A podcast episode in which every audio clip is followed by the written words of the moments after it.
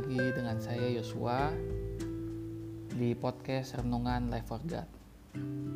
Kali ini saya mau melanjutkan pembahasan mengenai Daniel. Saya ambil teksnya dari Daniel 1 ayat 10 sampai 21 dan sebelumnya kita berdoa dulu.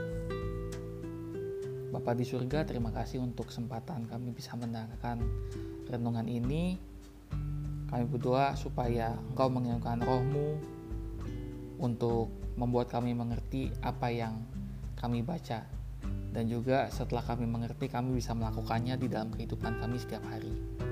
Terima kasih Bapa, dalam nama Tuhan Yesus Kristus, kami berdoa. Amin. Nah ini kalian juga bisa dengerin sambil kalian buka Alkitab Di sini situasinya adalah ketika Daniel sudah masuk ke masa percobaan untuk diangkat sebagai pegawai istana. Jadi kebiasaannya orang Babel dulu itu ketika mereka menawan bangsawan-bangsawan itu mereka dididik selama tiga tahun dan setelah dididik itu selesai tiga tahun itu mereka harus bekerja kepada raja. Jadi mereka menjadi pegawai istana di Babel. Dan di sini kita lihat di ayat 10 ditulis tetapi berkatalah pegawai istana itu pemimpin pegawai istana itu kepada Daniel aku takut kalau-kalau tuanku raja yang telah menetapkan makanan dan minumanmu berpendapat bahwa kamu kelihatan kurang sehat daripada orang-orang muda lain yang sebaya dengan kamu sehingga karena kamu aku dianggap bersalah oleh raja. Jadi di pembahasan yang sebelumnya saya pernah bilang bahwa Daniel itu mendapatkan kasih dan sayang dari pemimpin pegawai istana. Dan kasih sayang itu juga diberi, diberikan oleh Allah.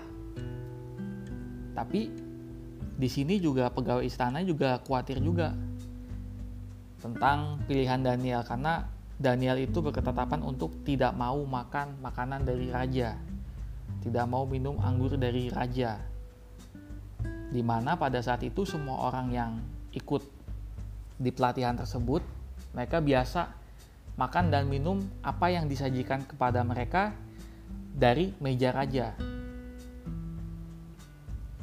Dan saya lihat di sini poin pertama, Selalu ada aja ujian saat kita mau melakukan firman Tuhan.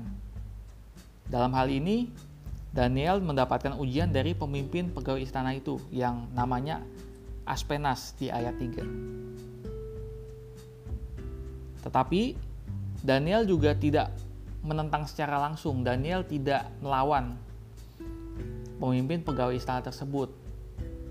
Daniel sebaliknya dia di ayat 11 disebut kemudian berkatalah Daniel kepada penjenang yang telah diangkat oleh pemimpin pegawai istana untuk mengawasi Daniel, Hananya dan Misael serta Azaria. Jadi di sini Daniel bilangnya ke asistennya dia, di sini disebutnya penjenang. Itu sama aja dengan pengawas. Bisa dibilang dia asistennya Aspenas. Supaya coba deh kita nggak makan makanan dan minuman dari raja tapi sebaliknya kita makan sayur dan air aja. Dites selama 10 hari. Habis itu kalian nilai sendiri dan perlakukan kami sesuai dengan pendapat kalian.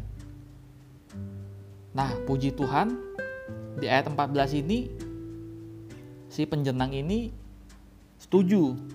Dan dia mendengarkan permintaan Daniel ya udah kita coba deh 10 hari. Kamu makan sesuai dengan apa yang kamu mau makanan yang dari raja itu minuman yang dari raja itu kita ambil di sini juga kita belajar bahwa ketika kita mau melakukan firman Tuhan Tuhan juga memberikan anugerah supaya kita dapat melakukan firman-Nya. Nah, dalam hal ini Daniel dan kawan-kawannya ini mendapatkan anugerah Tuhan lewat pertolongan dari penjenang yang diangkat oleh Aspenas.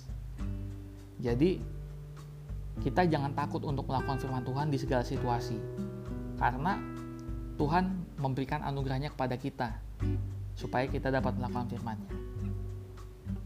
Dan hasilnya ternyata Daniel lebih sehat kelihatannya dan dia di sini di ayat 15 dibilangnya lebih gemuk daripada semua orang muda yang telah makan dari santapan raja.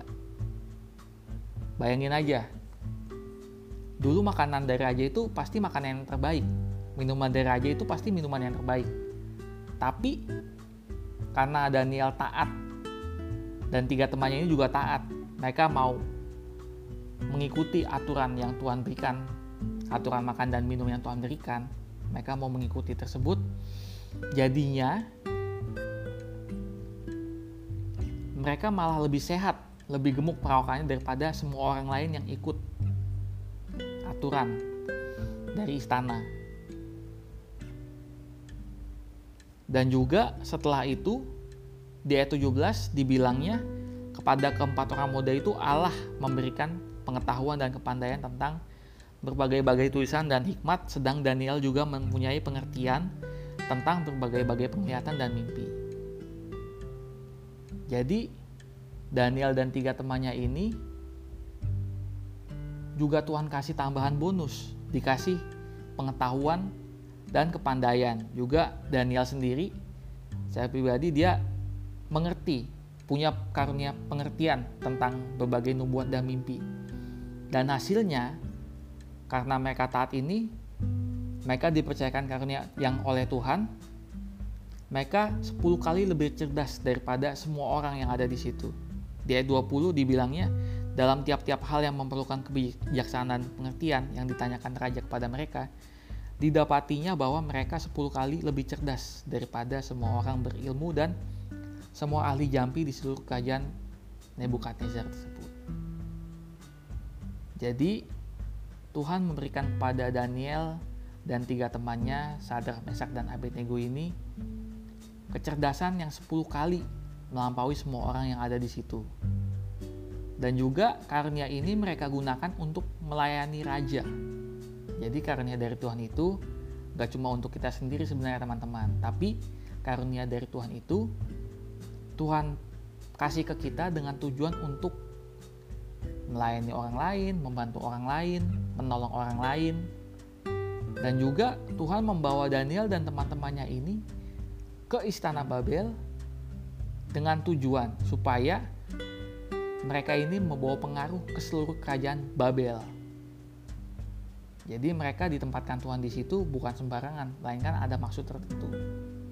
Sama juga seperti kita, di mana pun kita berada sekarang, Tuhan punya maksud dan tujuan kenapa kita ada di situ.